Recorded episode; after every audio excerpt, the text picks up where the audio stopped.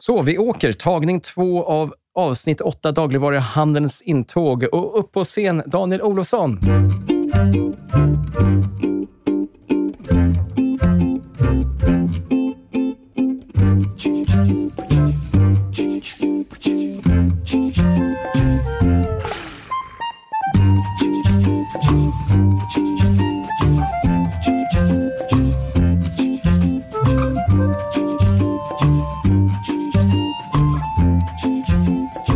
Hallå och välkommen till ett nybakt avsnitt av Frekvens. Jag som pratar just nu heter Daniel Olofsson och på andra sidan av dekagonbordet sitter den ständigt censurerade lusekoftan Erik Bäckman. Hur är läget? Jo, men det, det är väldigt bra tack. Och faktum är att idag så är jag lyckligare än vad jag varit de senaste 20 åren. Oj, 20 år, då har man ändå... Alltså 20 år, då har det hänt en hel del. Du har fått liksom tre barn. ja, ja, ja, ja okej. Jag, jag är lyckligare än vad jag har varit de senaste 20 åren i mitt yrkesliv. Och vet du, det är tack vare dig, Daniel. Oj. Ja, tack. Eller ja, b- berätta. Ja, jag berättar strax, men Ja, först vill jag veta, hur mår du? Eh, Jag mår bra, tack. Eh, Jag åkte buss för första gången på Wow. väldigt, väldigt länge. Ja. Och redan direkt när man liksom går in genom bakdörrarna nu, så känner man så här, nu blir jag sjuk. Nu Mm. får jag det. Rona. Ja. Jag har inte haft den och eh, jag vill inte ha det. Och jag känner ändå, det blir en, någon slags, vad ska man säga, eh, samhällsuppfattning att ja, men snart är det över. Ja, precis. Och vi ser målsnöret där framme och nu är det bara spurten kvar. Och vi, Ja. får, vi får inte ramla nu. Jag har, också, jag har också klarat mig så långt. Så, men vi vet ju inte om det är över eller inte. Men det om det, jag mår bra helt enkelt. Nu får du berätta varför du är så lycklig. Jo, för ända sedan jag började jobba med radio så har jag varit lite frustrerad, eller ibland har det stört mig ganska mycket faktiskt, att dagligvaruhandelsbranschen har varit väldigt underrepresenterad i radio. Och jag menar, utifrån mitt perspektiv så är det ju öppet mål. Vi ska berätta mer om det strax här, varför jag tycker det. Men dagligvaruhandelsbranschen borde gå jättetungt i radio. Men det har man inte gjort under väldigt många år i svensk radio. I Norge däremot, där har de ju kört på mycket mer. Det har också varit lite frustrerande att liksom, ja, det blir lillebror lyckas bättre än, än vi i Sverige. Så här, varför har de sån tur och, och sådär? Det är klart, det är inte bara tur, utan de har gjort en rad olika stora undersökningar. De har samlat på sig massa kunskap och sådär. Och jag har ju pratat med våra norska kollegor på nämndkontoret i Oslo. Och då får vi tacka så mycket Anna och Auslag och Åse-Marit och också alla er, andra era kollegor som har hjälpt mig med väldigt mycket fakta och material till det här avsnittet. Be- betyder det här att vi kommer få en massa norska lyssnare nu? Vi har redan flera norska lyssnare nu, Ja. kan jag avslöja. Sen kontakt med, med Norge.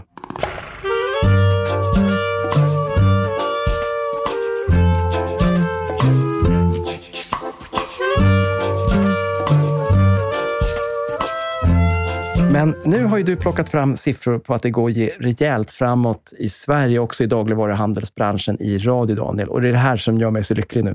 ja, för den här dagligvaruhandelsbranschen, som vi då kallar den, den har smugit några år i radio. Kan det funnits en förklaring att vi då nämnt tills för några år sedan inte var helt rikstäckande?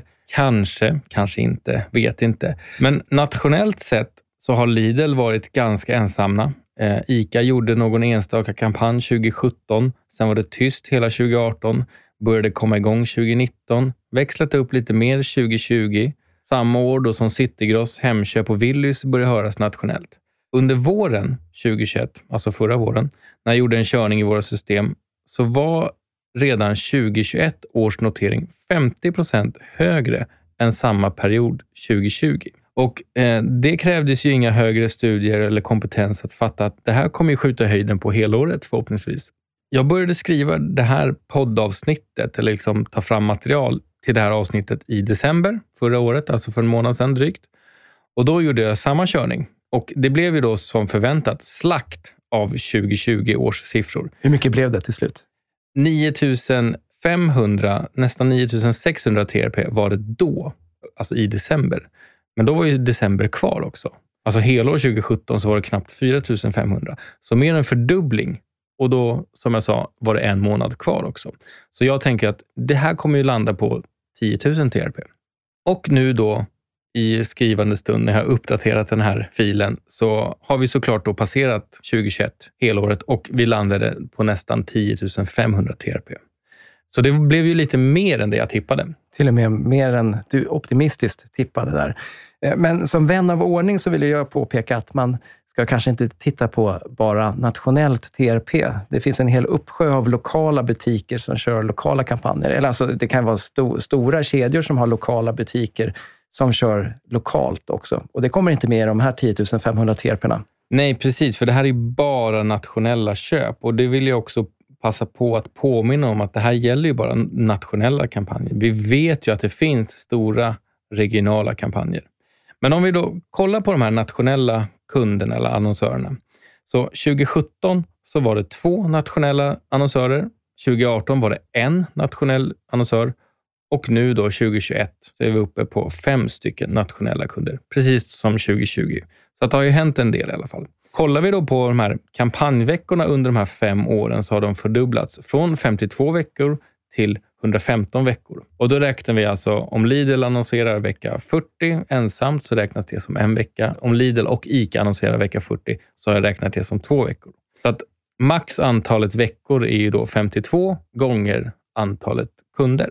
Nu är det i och för sig bara Lidl som annonserar varje vecka, men det börjar sakteliga ändras. Hemköpskedjan har de senaste två åren gått från tre veckor till 18 veckor.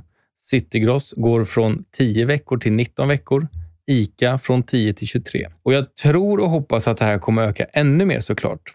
Eh, jag tror inte det kommer komma in så väldigt många fler kunder av uppenbara skäl, för att det finns inte så många butikskedjor, livsmedels, dagligvaruhandels, butikskedjors butiker. Det där vanliga ordet. Men jag tror att de kunder som går nu kommer att gå fler veckor. För jag tror att de förstår att det är viktigt. Jag tror att det funkar för dem och eh, jag tror att det här är en väldigt bra grej. Liksom. Och Det här har vi pratat om förut med det här långsiktiga tänket. Då. Echoes of Victory. Bland annat. Det är ett bra avsnitt som man ska lyssna på också.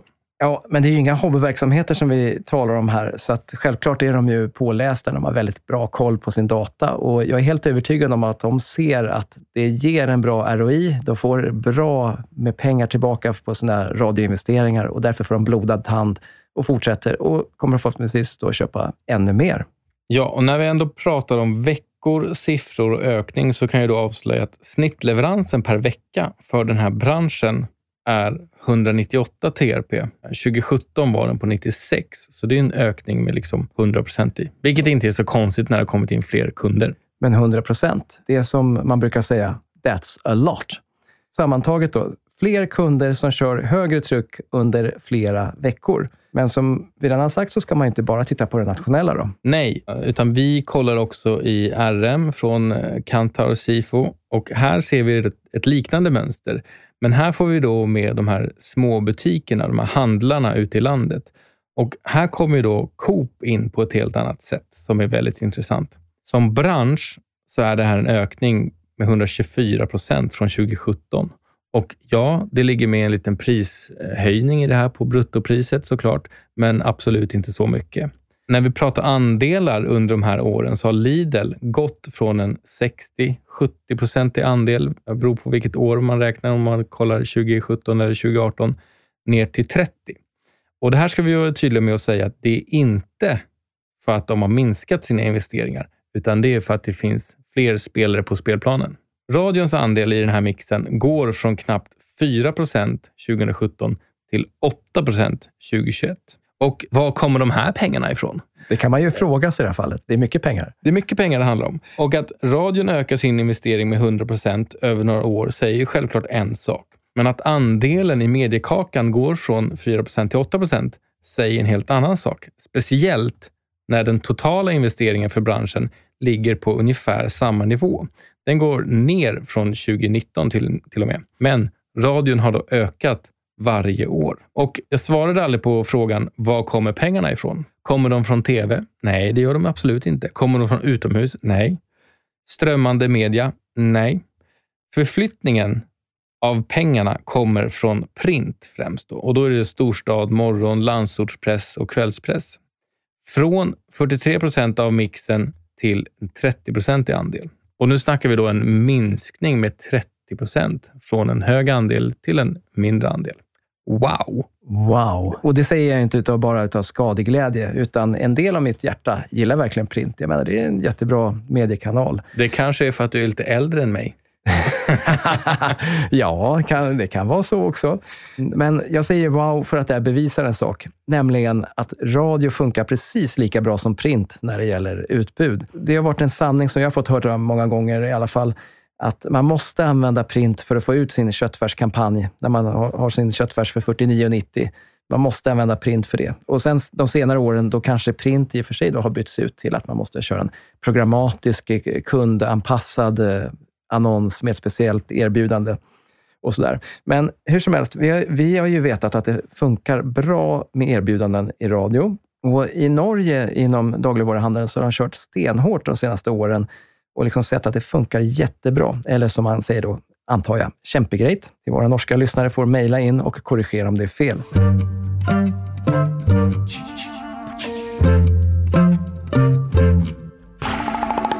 Men nu verkar det då äh, äntligen flera av de stora svenska drakarna inom dagligvaruhandeln ha fattat det här.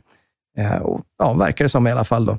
Men vad tror du om framtiden då, Daniel? Ja, alltså för ett otränat öga så kanske det verkar som att den här branschen är halvt mättad om nästan alla butikskedjor är representerade. Men det är inte sant, tycker jag. För att det finns annonsörer som är då konkurrenter till de här, men som kanske inte har fysiska butiker. Vi har ju massa online matförsäljning. Eh, sen har vi alla matkassar som också bör ha något finger med i spelet på något sätt. Eh, så där har vi en stor utvecklingspotential. Men man tager vad man har, som Kajsa Warg sa. Eller sa hon verkligen det? Hon sa faktiskt aldrig det. Jag har kollat upp det här. Eh, det är ett missförstånd som många har liksom gått på. Utan hon skriver i sin kokbok, man tager om man så hava kan. Vi får jobba med det vi har. Liksom, helt enkelt. Så, så att, vad, vad tager man som man hava kan då inom dagligvaruhandelsbranschens annonsörer för oss? Ja, då gäller det att de kommer in liksom med ännu mer kampanjer och större och, och på andra plattformar. Alltså, jag tror inte att Lidl kommer köra så många fler spotkampanjer och TRP-kampanjer när de redan går varje vecka. Men flera andra kan öka med, med att köra varje vecka? Ja, precis. Alltså, ICA kan komma att öka lite. De gör, gör ju sin resa nu. Citygross har gjort sin resa och gör väl delvis sin resa. Hemköpskedjan har börjat röra på sig, likaså Coop. Eh, den aktör som har överlägset störst potential och som kan få den här branschen att ta ytterligare steg är ju Willys. De har gått från obefintliga nivåer till låga nivåer. Precis som Citygross och Hemköp gjorde för två år sedan. Och Willys är enligt RM den trettonde största annonsören i Sverige. Alltså trettonde största annonsören. Det här är en ganska stor aktör på annonsmarknaden. Och vilken plats hamnar de i radion då? Jo, på plats 280. Men de kan bli bättre. Välkomna till oss, Willys. Välkomna. Så det här är en väldigt tung tv-annonsör och en tung utomhusannonsör som jag hoppas kan komma in i radio och i, i värmen, som vi brukar säga. Eh, men det finns ju då andra sätt att investera sina radiopengar än bara vanliga TRP-kampanjer och, och spotköp. Eh, tävlingar, sponsring och annat redaktionellt. Där finns det en hel del att jobba på, för att som det har varit nu så har den här branschen liksom lyst med sin frånvaro på de kreativa delarna. Och om den här branschen ska gå då från 1.0 till 1.1, 1.2 och förhoppningsvis då till slut 2.0 så krävs det då satsningar som jag tror kommer att komma. Jag skulle nästan vilja lova att, att det kommer komma. Sen om det kommer nu i år eller nästa år, det, det får vi se, men det kommer att komma. Och En bransch som är starkt sammankopplad till det här, det är ju självaste livsmedelsbranschen. Som man kan säga, eh, jag menar, liksom ett schampovarumärke eller en grillsås eller sådär. Ja, precis. För alla de här produktvarumärkena är ju inte med här. De, de har ett, ett liksom, de är med i spottarna kanske, eh, men när man kollar i RM så är det ju då eh, butikerna som står som, som avsändare. Men alla de här Arla, Orkla, Mondelez, Unilever, Nestlé och sånt som, som säljs i livsmedelsbutikerna, de är ju inte jättestora i radio. Men det kommer ju bli ett annat avsnitt hoppas jag. Precis, och det kan göra mig riktigt lycklig.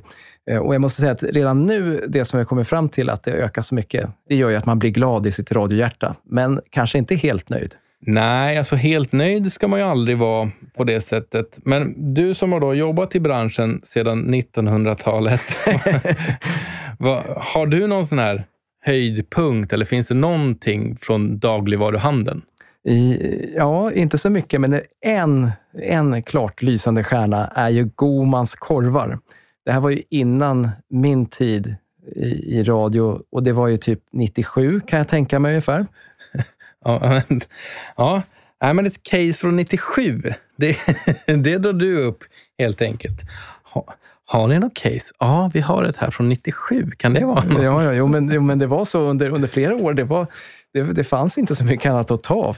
Men, men eh, nu finns det såklart en massa nyare case, men det här var ju under många år eh, kanske tydligaste exemplet på, så jag tycker man gjorde väldigt, väldigt rätt. De köpte då alltså specifikt spottar på eftermiddagen, precis så att man skulle nå människor när man är på väg hem från jobbet och man funderar på vad man ska äta för någonting och man ska gå in och handla. Då smattrade de på jättetungt och annonserade om Gomans korvar. Eh, tyvärr fick de problem ganska snabbt då. Lite olika versioner av caset säger en vecka eller två veckor. Jag brukar säga en vecka. Ja, det är lite så här rövarhistoria. Det beror på vem som, vem som ja, frågar. Precis. Hur stor var fisken? Och, ja. så där. Men det som hände var att korvarna tog slut. Ja. Det gick för bra med försäljningen helt enkelt. Ja, och än idag är det då slut på korvar hos ja, men, Gomans. Ja, men käft på dig. Ja, eh, förlåt. Jag gillar gamla case, eh, speciellt Gomans korvar.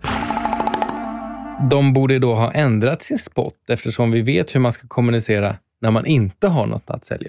Ja, och har du inte lyssnat på det avsnittet så, så gör det. Eh, men okej okay, Daniel, det ser väldigt lovande ut nu. Då, som, jag är fortfarande så glad över det, att, att det ökar i Sverige. Men jag hittade ett gammalt mejl från Norge. Det var då skrivet 2018 och då var, ungefär, då var det så att daglig dagligvaruhandeln i Norge la 7% av sina pengar i radioreklam i Norge 2018. Och nu i 2021 så var siffran uppe i 14 procent. Och nu ska vi se, hur mycket var det du sa att, att det var i Sverige här nu? Eh, nu är den uppe på 8 procent. Förut var det 4 procent. Ja, så vi ligger ju tio år efter Norge ungefär. Men kan man tänka sig att det kan gå snabbare nu i Sverige? Ja, men jag hoppas det. Att vi inte ska behöva vänta liksom tio år för att eh, ja, det ska amorteras på hus. Barnens fritidsaktiviteter ska betalas nu, inte om tio år. Så, um, sen tror inte jag att annonsörerna vill vänta heller. Alltså de förhoppningsvis ser ju att det här funkar väldigt bra för dem. Exakt, och det är här och nu som man faktiskt kan, kan skörda en fin ROI, en fin vinst med, med hjälp av radio.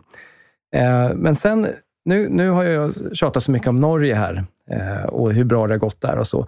Och då undrar man ju som nyfiken radioanalytiker, journalist, vad är det man har gjort i Norge och varför har dagligvaruhandeln kommit igång där så bra och så mycket tidigare än Sverige?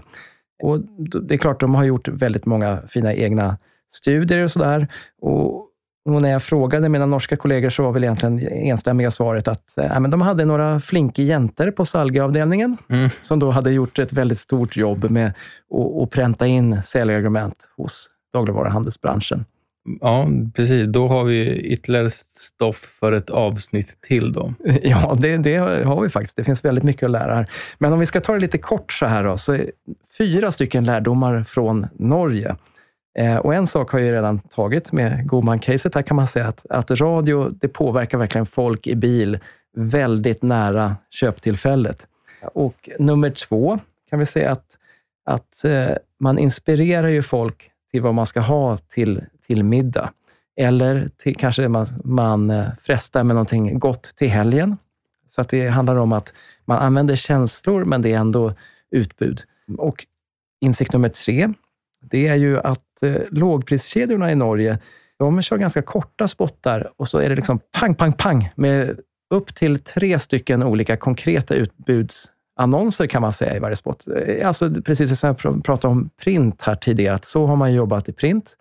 Kanske mer än tre i och för sig, men man har den här tydliga utbudstaktiken. Och det funkar väldigt, väldigt bra, åtminstone för lågpriskedjorna i Norge. Och sen så naturligtvis nummer fyra, det är att man använder radio och om jag har förstått det korrekt, så är det nästan uteslutande radio som man använder till att lansera nya koncept i, inom butikerna. Det är kanske att man har en ny salladsdisk eller vad det nu kan vara, eller ett helt nytt eh, serviceutbud eller sådär. Eh, det verkar radio vara extra bra på att kommunicera, i, i Norge i alla fall. Men som sagt det finns väldigt mycket att lära sig eh, om dagligvaruhandelsbranschens annonsering i radio från Norge. Så, ja, vi, jag tror att vi kommer in på det här ett avsnitt till. Yes.